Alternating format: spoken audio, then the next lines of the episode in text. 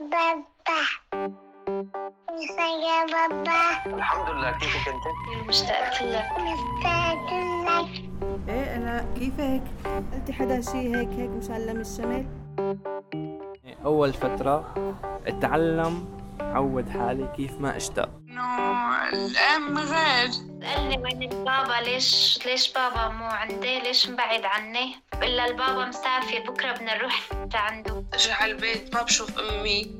بابا مو موجود البنت كانت صغيرة يعني وكانت بحاجة إلي وتعرضت للخطر أكثر مرة بسوريا واتصل بالهجرة بس انا لحد هلا بهاي اللحظه وانا عم كافح مشان ابني اديب يجي لهون أنا بحكي مع بابا قال هي بدها تحكي مع بابا احكي معك حتزت لك بوسي